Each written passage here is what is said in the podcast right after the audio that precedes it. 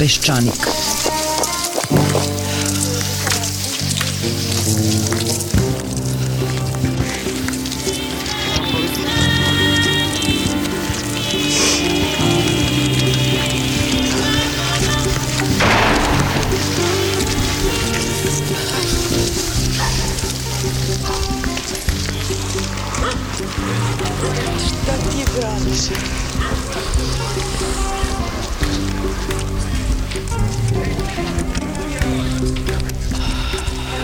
Peščanik.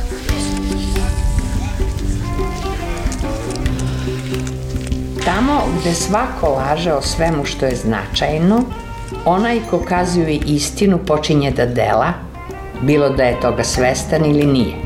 Tako se i on upliče u političku delatnost, jer u slučaju da preživi što nije sigurno, on započinje promenu sveta.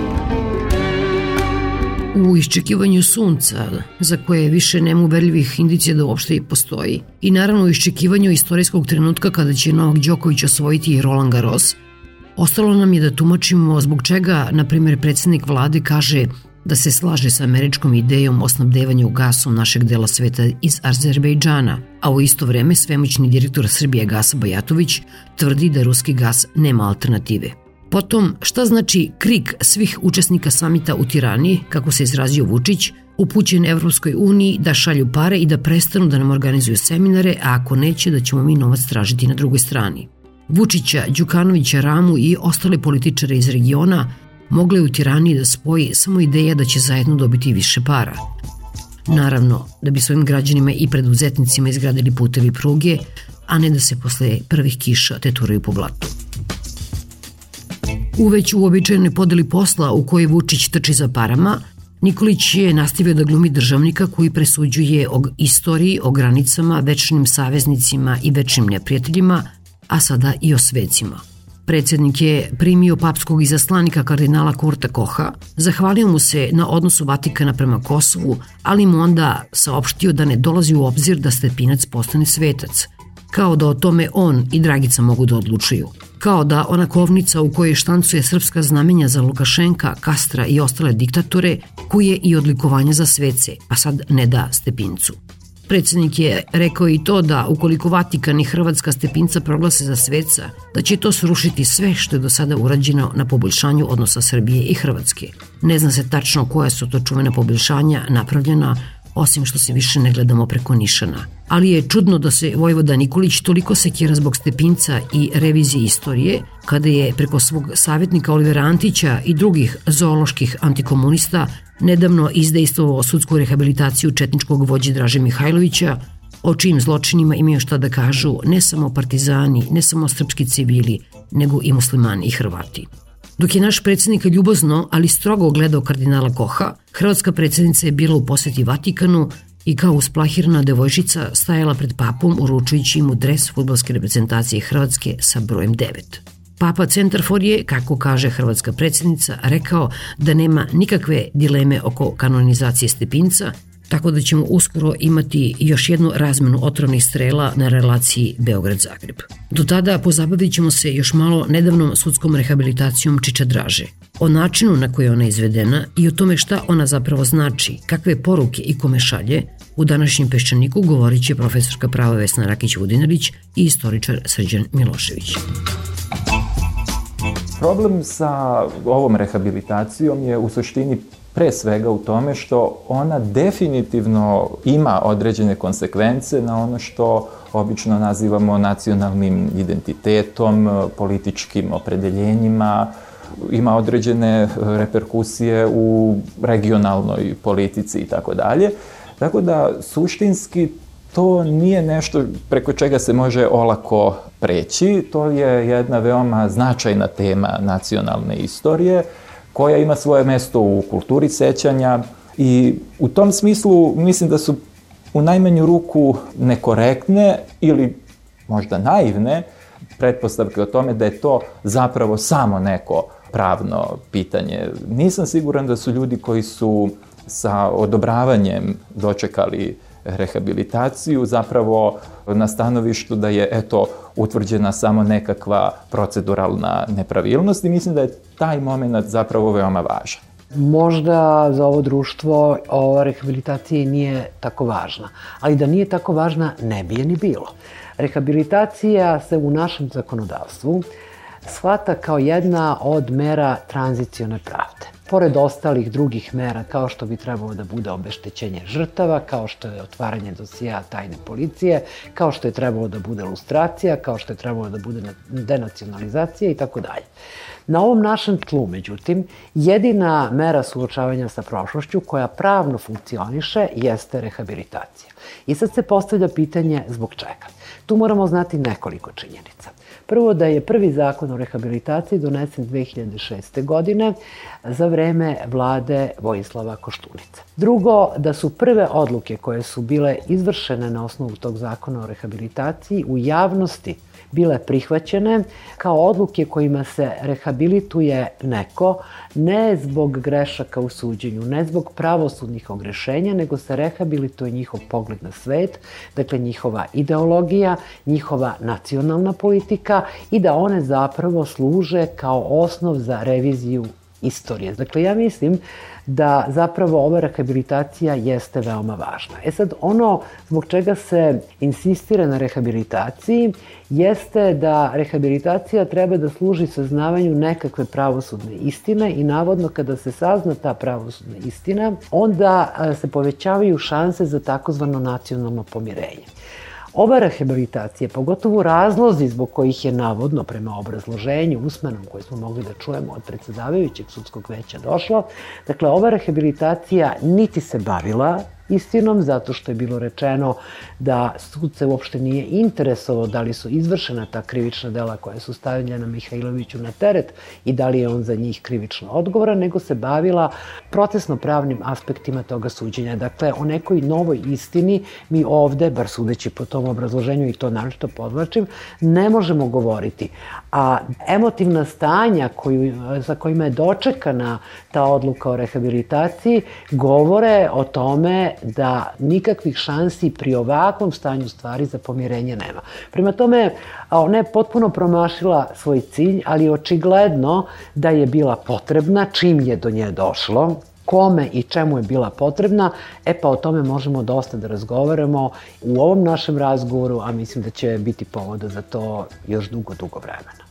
Da probamo da se vratimo, da probamo hronološki da vidimo kako smo došli do ove tačke. U kojoj meri, po vašem mišljenju, je presuda Mihajloviću bila politički motivisana, odnosno koliko je to bila političko suđenje? I, s druge strane, to suđenje, kako je ono izgledalo, u odnosu na ono suđenje koje su se dešavale širom u posleratnoj Evropi. Dakle, govorimo o Francuskoj, o Britaniji i nekim drugim zemljama. Naravno, bilo bi netačno i pomalo cinično negirati politički uticaj u slučaju suđenja Dragoljubu Mihajlovića 1946. godine. Međutim, ono što je suštinski važno, to je da su činjenice koje su tu na tom suđenju iznete, dovoljne su za osuđujuću presudu. Dakle, to je ono što je suštinski važno. Konkretno, na nekoliko pitanja koje su direktno eh, se ticala određenih dela koja su bila kažnjiva i za koje je Mihajlović osuđeno, sam Mihajlović je na izvestan način davao priznanje, dakle da konkretno recimo da neka naredba jeste njegova, ali da je ona, eto, pogrešno protumačena od komandanata koji su mu bili podčinjeni i, na primjer, kada on piše da se u nekom kraju da su se komunisti nakotili i da su jedinice četničke koje su pod njegovom komandom da su one pasivne i da što pre treba ih aktivirati i očistiti, odnosno likvidirati taj komunistički nakot i šta znam.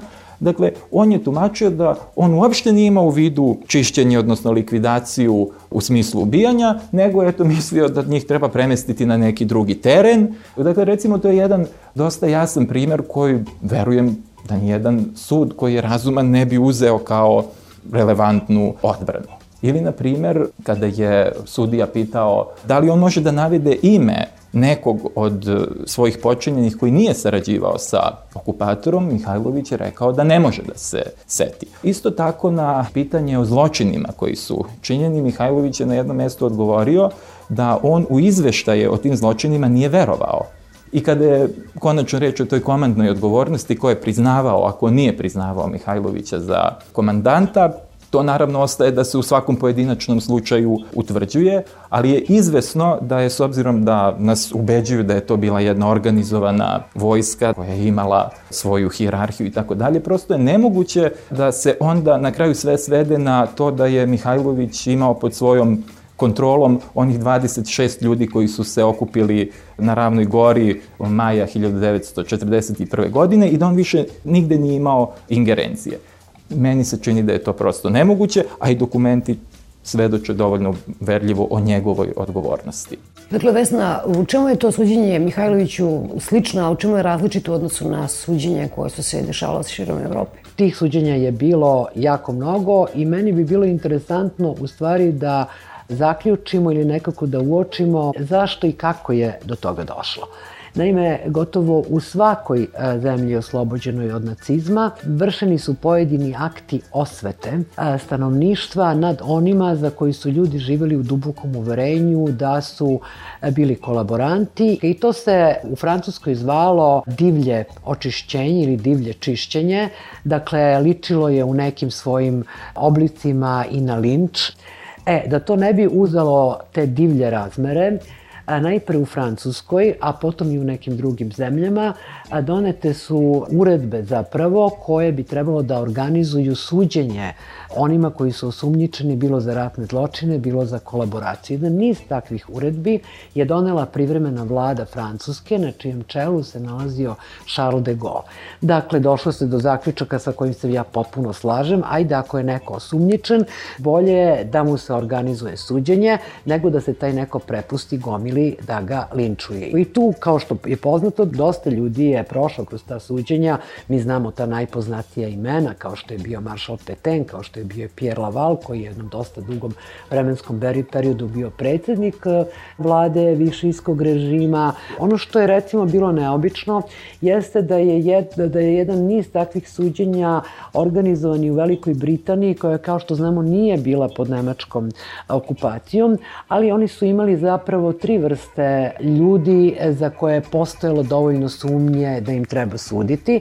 To su bili prvo oni koji su zvani lordovi Av-Av, to su dakle bili Britanci koji su sa teritorije Nemačke na engleskom jeziku preko radio stanica koje su primane u Engleskoj vršili nacističku propagandu i najpoznatiji od njih je bio William Joyce. E, imamo slučajeve i u Grčkoj, pogotovo je poznat slučaj ove Cola Koglua, Ralisa i tako dalje. Dakle, tih suđenja je bilo.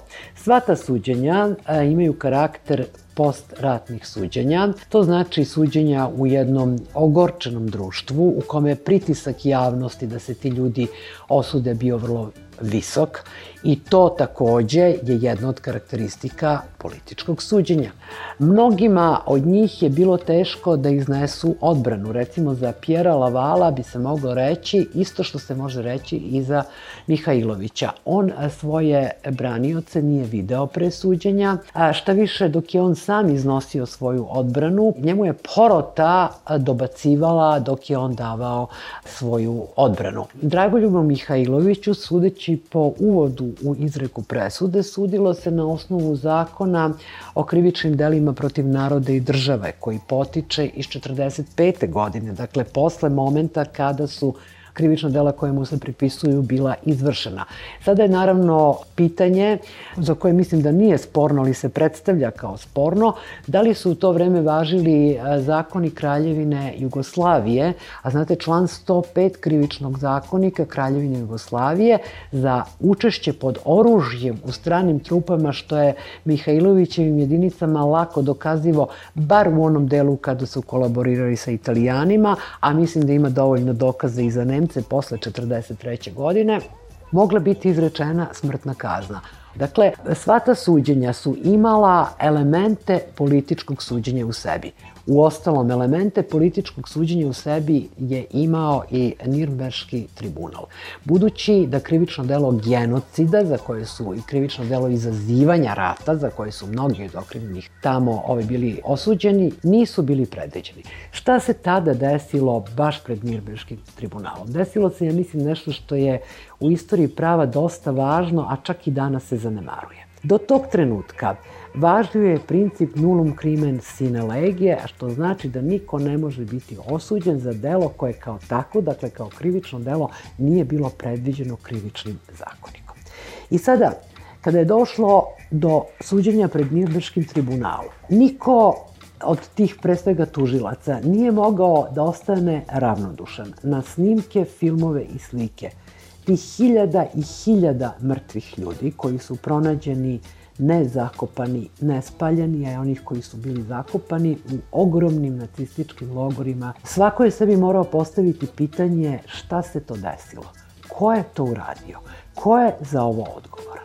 I onda je formulisan taj nirbenški princip broj 1, koji glasi da iako krivično delo kao takvo nije bilo predviđeno, da svakom je bilo jasno da jednostavno žrtve ostaju bez, čak i bez minimuma priznanja, a minimum priznanja je da jesu žrtve. Formulisan je dakle taj prvi princip koji kaže da ako je određen akt, određena radnja, po pravu akt nedozvoljen sa stanovišta opštih principa međunarodnog prava, princip nulum crimen sine lege ne sprečava da se počiniocima takvih dela sudi. Tada je taj prvi mirberški princip posle prihvaćen u Međunarodni pakt o građanskim i političkim pravima. I mi ne treba da se pravimo više blesavi. Da je princip koji se zove nulum crimen sine lege, koji je nastao, to je cela zgrada zaštite prava okrivljenih i e, ljudska prava su rasla na toj zgradi. Sve dok se nije desila ta strašna masovna egzekucija koju zovemo holokaust u drugom svetskom ratu i onda se shvatilo da se mora formulisati princip koji će štititi žrtve. Danas se mnoge naše sudije ponašaju kao da se zapravo Nirnbeško suđenje uopšte nije desilo. Sva ova suđenja po potrebi da se pod jedan spreče divlje egzekucije, a pod dva da se priznaju prava žrtvama u tom smislu što će se znati čije su to žrtve. Dakle, to jednostavno je u nekim elaboracijama zaboravljeno, a ne sme da se zaboravi. Interesantno recimo da je odnedavno to e, znamo i dokumentovano je recimo da je u jednom trenutku Winston Churchill bio sklon tome da se nacistički vrh e, na različite načine kazni bez suda, dobar deo strelja, da se donese zakon po kome oni nemaju pravo čak ni na suđenje, nego dok se egzekucije vrše na da. osnovu pristupa većine ljudi tome faktu da. njegov, njihove odgovornosti. Stalin je predlagao nota bene da se 150.000 oficira streljaju. I onda srđana je ko je u stvari inaugurisao ideju Nirnberškog tribunala? Pa Amerikanci i Francuzi.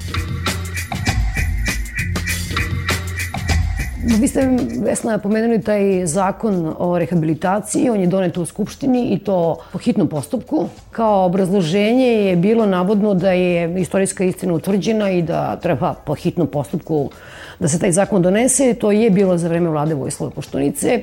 Formalni predlagač je Bivog Drašković, nekako se uvek za njega vezuje da je on to, kako kažu, progurao i tako. Međutim, ono što je fakat takođe da niko se tu nije bunio u Skupštini, da ni demokratska stranka, a, jednostavno je sa velikom većinom o, taj zakon o izjednačavanju četnika i partizana bio donet i onda kreće to štancovanje odluka o rehabilitaciji, no osnov kojih kriterijuma su sudije rehabilitovale sve te nama sad nepoznate ljude, da su tako mogli da budu ekspeditivni. Najpre, ja sam pokušao da utvrdim šta je ono što se zove ratio legis tog zakona. Znači, zašto je taj zakon uopšte donet? I iz obrazloženja predlagača zakona, da je Srbija imala prošlost koja nije bila laka, da je veliki broj ljudi, što zbog ideoloških, a pre svega klasnih razloga, bio lišen života, imovine i drugih prava koje su mu pripadala. Sa ovim naglaskom, a pre svega klasnih razloga, verovatno je bilo jasno da se to pre svega odnosi na e, socijalističku prošlost i na taj period e, istorije i da je to u stvari jedan zakon za suočavanje sa tom totalitarnom, autoritarnom prošlošću i tako dalje. Ono što dalje ovu celu stvar već pretvara u absurd jeste član koji propisuje da se u stvari odredbe zakona o rehabilitaciji iz 2006. primenjuju do dana stupanja na snagu zakona. Tako da je u stvari zakonodavac pretpostavio da je političkih ideoloških progona bilo do dana stupanja na snagu tog zakona, a to je 25. april 2006. a da onda od tog da, dana više ne može da bude politički ideološki motivisanih nepravdi, što mi opet nije jasno sa kojim to obrazloženjem. Iza toga sličnu formulaciju onda ponovio zakon iz 2011. godine, koji je takođe propisao da se zakon primenjuje do dana stupanja na snagu. Tog novog zakona. Tog novog zakona, tako da je u stvari demokratija u Srbiji zavladala decembra 2011. godine, jer od tada pretpostavka zakonska je da više ne može da bude politički i ideološki motivisanih e, suđenja, lišavanja nekih prava i tako dalje. Naravno, onda je u tom zakonu su potpuno nejasni kriterijumi za rehabilitaciju. Kaže se da se odnosi na ljude koji su bili žrtve političkog i ideološkog lišavanja nekih prava. Međutim, meni nije jasno kako je moguće da sud to utvrdi. Meni se čini da taj zakon je zaista isključivo politički akt koji nalaže sudijama da prema nekom svom uverenju i proceni eh, nekoga rehabilituju, neko ne, nekoga neće. Samo još reći i ovo, znam slučajeve, barem dva, u kojima su se u poređenju sa suđenjem koje recimo imao Mihajlović, dogodila mnogo teža ogrešenja o Odbrana, odnosno odbranu je izneo sam okrivljenik. Treba napomenuti da je bilo u pitanju lice koje je možda imalo 18 godina života, koje je krivično delo za koje je odgovaralo počinilo kao maloletno. Taj zahtev za rehabilitaciju je odbijen. E sad ja mogu samo da pretpostavljam da je to u pitanju zbog toga što taj čovek e, ima muslimansko ime i prezime. I još jedan primer takođe imam koji je sličan, isto je u pitanju jedan bošnjak. Dakle, ukoliko se čisto te procesne stvari uporede, njihova suđenja su bila zapravo gore organizovana i učinjena su gora ogrešenja o prava okrivljenih. Pročitala sam autorski tekst koji je napisao tvoj kolega, istoričar Đorđe Stanković, šef katedre za istoriju Jugoslavije, tako na Filosofskom fakultetu, i da u 90% slučajeva sud tražio u stvari dva papira iz arhiva Srbije. Jedan je da je neko stupio u neku jedinicu, najčešće u Četničku, kada je zapravo stupio, i drugo kopiju presude tog komunističkog suda, kako su zvali, da je to jedino čime se operisalo, što po definiciji bi značilo da su te odluke o rehabilitaciji morale biti, mislim, političke, kako bi drugačije bile. Šta može na ta dva dokumenta uopšte da se ustanovi. Na moje iznenađenje, budući da ovaj zakon iz 2006. godine nije sadržavao nikakve odredbe o postupku, potprilike moglo se suditi kako se htelo, Vrhovni sud Srbije je iste te 2006. godine stao na stanovište da se taj zakon ima protumačiti tako da se u njemu primenjuju pravila vanparničnog postupka. Vanparnični postupak u ovim slučajima je uglavnom jednostranački postupak, to znači vodi se po zahtevu predlagača i jedina stranka u tom postupku je zapravo predlagač.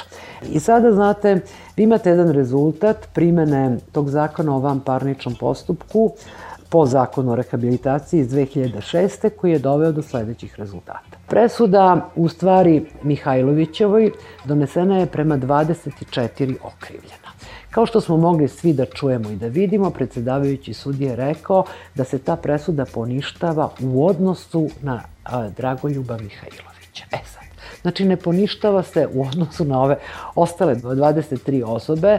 Presuda prema njima ostaje potpuno na snazi, pa makar i prema onima čija su krivična dela izvođena, tako da kažem, iz naređenja koje je taj Mihajlović dao. Drugi konkretan efekat je sledeći. Dakle, utvrđeno je, tako smo makar čuli u usmenom obrazloženju, povreda prava Mihajlovićevog na odbranu. Naravno, sad tu je bilo i folklora i raznih preterivanja. Mogli smo, na primjer, da čujemo neverovatan podatak da je optužnica imala preko 2000 strana, a njemu je bilo samo nedelju dana omogućeno da ispituje. U stvarnosti optužnica imala 121 stranu i postojalo još oko 300 strana pisanih priloga koji su uglavnom poticali iz dokumentacije koje je Narodno-oslobodilačka vojska našla u štabu Dragoslava Mihajlovića. Dakle, Pravo na odbranu jeste povređeno, ja sam daleko od toga da to sporim i to uopšte ne sporim, ali se želelo nekako u javnosti stvoriti uticak da je ono mnogo drastičnije povređeno nego što je u stvarnosti bilo. Dakle, zbog povrede prava na odbranu poništava se presuda. A jedna krivična presuda u sebi sadrži opis krivičnog dela kvalifikaciju tog dela kao određenog dela, recimo u konkretnom slučaju Mihajlovića, ili kao izdaje, ili kao ratnog zločina, ili kao kolaboracije i njegovu krivičnu odgovornost. I sada, sudija koji se ne bavi ni krivičnim delom, ni krivičnom odgovornošću, ni kvalifikacijom tog dela, kaže, e pa zbog povrede prava na odbranu, ja poništavam presudu u odnosu na Mihajlovića, što ne znači da on ta krivična dela nije izvršio. I sad se naravno postavlja pitanje, pa šta je sa tim činjenicama koje su tu utvrđene, makar ih utvrđivo i, i komunistički sud, ali znate, sudije koje su sudile su bile tih godina da su završili kapitalistički pravni fakultet u Kraljevini Jugoslaviji. I rezultat svega toga jeste jedan izrazito politički postupak. Postupak rehabilitacije je bio političko suđenje u istoj onoj meri u kojoj je to bilo suđenje Mihajloviću. Ja ću vrlo kratko reći nešto što svako može da razume. Suđeno je u postupku kome je punomoćnik koji je došao do najpunijeg izražaja u vreme kada je zastupao podnosioca zahteva bio savjetnik predsednika Republike, a jedna, jedan od tipova političkog suđenja u teoriji označavaju se ona suđenja koja involviraju političare u raznim njihovim ulogama kaže se povređeno je pravo na odbranu. A ja se pitam, da li su neki koji bi mogli biti protivna strana uopšte dobili odlukom suda svojstvo učesnika. Savez antifašista, koliko ja znam, je prijavljivo svoje učešće. Mislim da je prijavljivao i društvo za istinu NOB-u. Šta je sa njihovim učešćem? Tako da ne vidim uopšte o čemu mi ovde pričamo, izuzev o tome da ćemo jednim političkim suđenjem navodno otkloniti mane jednog drugog političkog suđenja. I zato mi se čini da su one države koje nisu ni pomišljena na rehabilitaciju. Jednostavno, e, ovaj zakon i pogotovo način na koji je on primenjen odskaču od načina na koji se evropske države drže i odnose prema tim posleratnim suđenjima. Dakle, ovo je, čini mi se, jedini vođa jednog kolaboracionističkog pokreta koji je doživeo rehabilitaciju tvrdnje da on zapravo nije rehabilitovan za zločine za koje su je dokazano da je, da je počinio, ovde ne znači ništa. Formalno, akt kojim su ti zločini utvrđeni je stavljen van znanje. Vladavina prava je strašno važna stvar. Međutim, vladavina prava nije isto što i ideologija legalizma. Vladavina prava postoji da bi se obezbedile nekakve društvene vrednosti, kao što su život, kao što je sloboda, kao što je imovina. E, isto onako zdušno kao što je u ovom rehabilitacijnom postupku se štitio zapravo e, procesno pravo, pa ajde time ne, da kažem i život Dragoslava Mihajlovića, jer na kraju krajeva njegova osuda je rezultirala time što je on streljan. O vrednost kojoj treba takođe težiti jeste život žrtava koje su mu stavljene na teret i za koje je dokazima utvrđeno da je za njih on bilo komandno, bilo neposredno odgovoran. E šta je sa tim žrtvama posle ove osude? Šta je sa pravom žrtve da bude priznata kao žrtva? Sudska rehabilitacija je samo deo onoga što, čemu prisustujemo je već jako dugo, a to je revizija istorije I e, mislim da si ti negde napisao da je Srbija najtemeljniji obračun izvršila sa antifašizmom u odnosu na sve zemlje iz bivše Jugoslavije. Tako da bi molila da, da to argumentuješ, tu tezu, i s druge strane da vidimo kako su se ponašale druge zemlje post, e, posle pada Berlinskog zida, dakle govorimo o Rumuniji, o Mađarskoj. Da, ja sam to tvrdio i mislim da to stoji da je Srbija učinila najtemeljniji obračun sa antifašizmom Narodno-oslobodilačkog pokreta pokreta. Bio sam tu vrlo predsed, to zapravo za mene jeste jedini antifašizam u smislu da je to bio jedini delatni, aktivni anti, oni koji su se, dakle, protiv fašizma, dakle, ne samo protiv okupatora, ne samo protiv uh, tih kolaboracionista, nego principilno dakle, protiv te ideje uh, borili, dakle to je bio narodno-oslobodilački pokret. Uh, I to sam naravno argumentovao pre svega onim što je vidljivo u javnoj komemoraciji kulturi sećanja. Srbija je, je i dalje jedina zemlja od naslednica bivše Jugoslavije koja u svom kalendaru tom komemorativnom, prazničnom, nema ni jedan jedini datum koji se odnosi na borbu narodno-oslobodilačkog pokreta protiv fašizma. Dakle, ako pogledate praznike u svim drugim republikama, vidjet ćete dakle, da one imaju jedan ili nek, u nekima i više tih e, datuma koje su vezane za narodno-oslobodilačku borbu. U Srbiji toga dakle nema. Taj odnos e, koji eto već tako dugo nazivamo revizijom istorije, taj odnos prema prošlosti je prisutan zaista već od sredine 80. godina. U tom smislu sam ja rekao da rehabilitacija sudska ne donosi zaista ništa novo. Ona je svojevrsna tačka na taj proces, Suštinski, dakle, ovo je, i kao što smo već rekli, doživljeno kao rehabilitacija ličnosti, pokreta i ideologije. Mi doživljavamo u poslednjih nekoliko meseci, ja bih čak rekao, jednu novu interpretaciju istorije. Mi smo imali u jednom trenutku to izjednačavanje popularno četnika i partizana. Međutim, mi smo sad došli u situaciju da se prednost u antifašističkoj borbi daje zapravo četničkom pokretu, a da su tu samo neki partizani, eto Koča Popović, njemu će se oprostiti što je bio komunista, a zapravo se sada tom narodno-oslobodilačkom pokretu pakuje kolaboracija, saradnja sa Ustašama, Nemcima i tako dalje. Dakle, potpuno se menja taj fokus i jedini pravi antifašisti zapravo ostaju Četnici i Koča Popović. Mislim, znate, to je, ako je išta revizije istorije, onda je zaista, zaista to.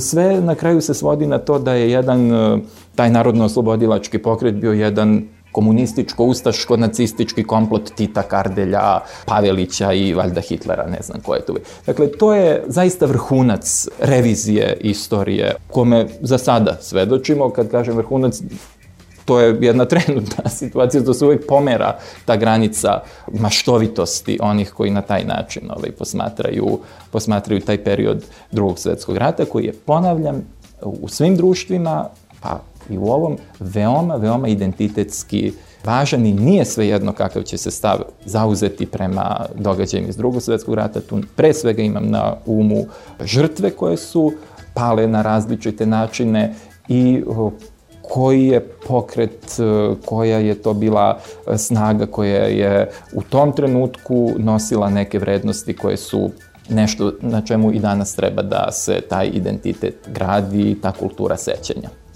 Ja moram da kažem da ja sudskim rehabilitacijama, verovatno zbog moje profesije, pridajem naročito veliki značaj. Zakonska rehabilitacija se odnosila na neodređeni broj ljudi i na uživanje njihovog prava. A sudska rehabilitacija koja je ovom prilikom izvršena, ona se zapravo odnosi na vraćanje točka istorije u smislu da neko ko je bio osuđen za određena krivična dela, jel tako se sada smatra dalje neosuđivanim. I to isto što se desilo sa presudom iz 46. godine, zamislivo je, meni je izgledalo da nije, ali zamislivo je i za zločine za koji su osuđena određena lica u ratovima 90. godina. Ne postoji zabrana formalno pravna da se rehabilituje neko koga je osudio Haški tribunal. Po zakonu o rehabilitaciji taj neko može biti rehabilitovan po ovome zakonu. Tako da mi se čini da je stvar dosta važna. Da li je kod aktera rehabilitacije, sudije, punomoćnika, pokretača postupka i tako dalje, postojala svesna namera da ovo bude samo prva rehabilitacija, a da drugi talas počne da se odnosi na 90. godine, ja to ne mogu da tvrdim, ja to ne znam. Ali, da je revizionistička namera u smislu revizije istorije postojala, mislim da je očigledno, jer je punomoćnik pokretača postupka jedan od punomoćnika, već više puta spominjani Antić, u svojoj ozarenosti zbog jednog pravosudnog uspeha jasno rekao da ovo je revizija revizije. Prema tome ne krije se da je cilj ove sudske rehabilitacije revizija. E sada, zašto je nama potrebna u ovome trenutku revizija? Mislim da je to pitanje na koje možda čak i nije tako teško odgovoriti. Pripisuje se od strane onih koji ovu odluku pozdravljaju, Mihajloviću to da je on antifašista, šta više prvi antifašista u porobljenoj Evropi. I to je nešto što bih ja volela vrlo mnogo da problematizujem i neću uopšte tvrditi da je on bio fašista, mislim to mi nije bitno i to je u drugom planu, ali mislim da se može vrlo lako dokazati da on nije antifašista. Jer antifašizam podrazumeva jedan aktivan stav i radnje na suzbijanju fašizma. To se za, nažalost, za Mihajlovića ne može reći. Njemu nije došao čas da se bori protiv nemačkih okupacijonih snaga čak ni 44. godine. Uopšte neću da se upuštam u motive zbog kojih on to nije činio, ali znate, kamerni antifašizam, gde bi on možda nekim svojim oficirima rekao je baš je ovaj Hitler odvratan, on je istorijski irelevantan, on je irelevantan i za to da se neko nazove antifašistom. E sada se vraćamo u sadašnje doba.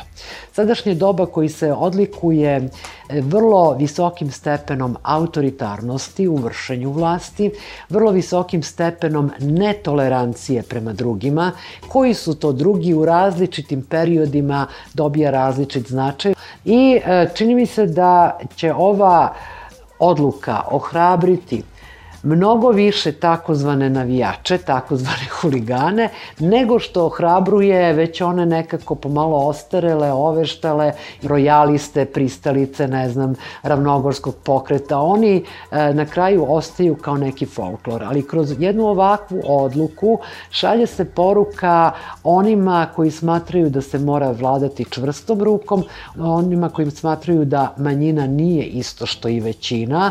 E to je ono zbog čega ja mislim da je ovo važno i danas. Nije samo Mihajlović e, važan, ja i dalje mislim da on kao ličnost zapravo i nije važan čitavom ovom e, procesu, dakle da je to jedna ideologija, ali ne samo ta, nego i one koje se prosto radikalizuju, odnosno takva jedna ideologija koja je dalje radikalizovana, mi smo zapravo svedoci jedne faktičke rehabilitacije i Nedića i Ljotića, jedan od e, glavnih autoriteta moralnih u Srbiji je i dalje Nikolaj Velimirović koji je recimo pozivao da se e, Srbi mole za tri srpska mučenika Dimitrija, Milana i Dražu. Dakle, to nacionalno pomirenje, takozvano, iz, već izvršeno, verovatno bi sad ovaj, trebalo dodati i koču. Rehabilitacija, dakle, te desničarske ideologije nije nešto prečeme bi smelo da se e, zatvaraju oči i naravno tu ja takođe verujem da na kraju krajeva postoji i taj ekonomski, jel tako, moment, to nije samo priča o zatvorene su vam fabrike, evo vam Gačića sa bradom i šubarom pa se igrajte. Nego je to jedna interpretacija, dakle, u kojoj je Dragoljub Mihajlović iz jeli, nekog razloga treba da simbolizuje Evropu, tu, ne znam, demokratiju, taj zapad. Dakle, sa jedne strane je Dragoljub Mihajlović simbol te borbe za Evropu, kako žele da nam ga predstave, a sa druge strane je on zapravo simbol svega što je suprotno i to je ona strana koja zapravo preovladava. Otkud ta Evropa koja je bazirana i formirana posle drugog svetskog rata, koja je antifašizam baza da bude tako najbliže rečeno benevolentna prema zvaničnim i nezvaničnim rehabilitacijama ratnih zločinaca vrlo često. Ja sam dugo verovao u to da je u temelju Evrope i evropske ideje antifašizam. I mislim da je jedno vreme to bilo dosta osnovano. Međutim, u Evropi se dogodila jedna promena, tako da je jedna promena te ideološke paradigme, tako da je umesto antifašizma zauzet stav, moram da kažem, takozvanog antitotalitarizma, budući da on suštinski se, naročito kada je u pitanju istočna Evropa, doživljava pre i iznad svega kao antikomunizam i kao jedna osuda socijalističke prošlosti. Sa druge strane je u Evropi stav prema tome dosta benevolentan, zato što su tu na vlast došle, da tako kažem, neke političke snage koje su po svakom drugom kriterijumu vrlo kooperativne i da je tu za određene krugove, u, ne samo u Evropi, nego toj međunarodnoj svetskoj zajednici, ključno to da se dovrše te privatizacije, u Srb, konkretnom slučaju Srbije da se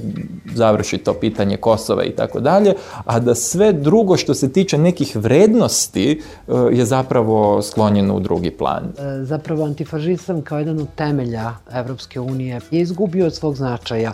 E, mislim da je uzrok tome, pored onoga što je Srđan rekao i u smeni generacije i stila ponašanja političara. Lični stav i lično držanje političara prema stanovništvu počinjalo je da biva mnogo značajnije nego što je njihov ideološki stav ili što je nekakav stav sa stanovišta, ajde da kažemo, nekog državnog programa.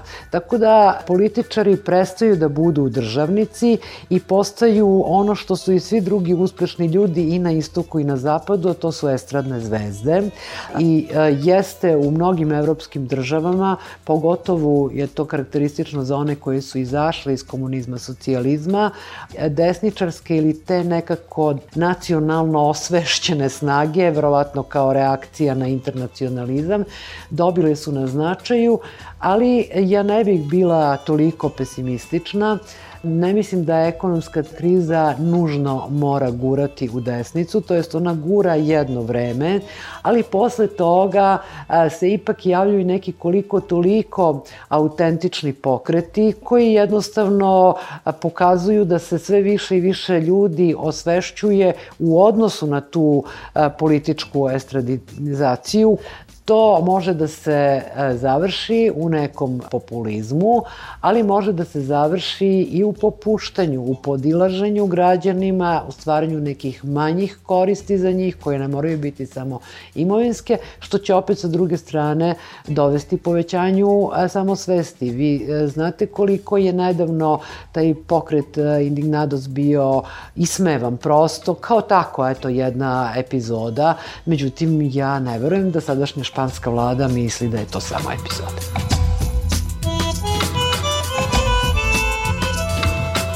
Bio ovo Peščanik, slušali ste istoričara Srđana Miloševića i profesorku prava Vesnu Rakić-Vodinanić. Pozdravljaju vas Svetlana Vuković i Svetlana Lukić. Peščanik –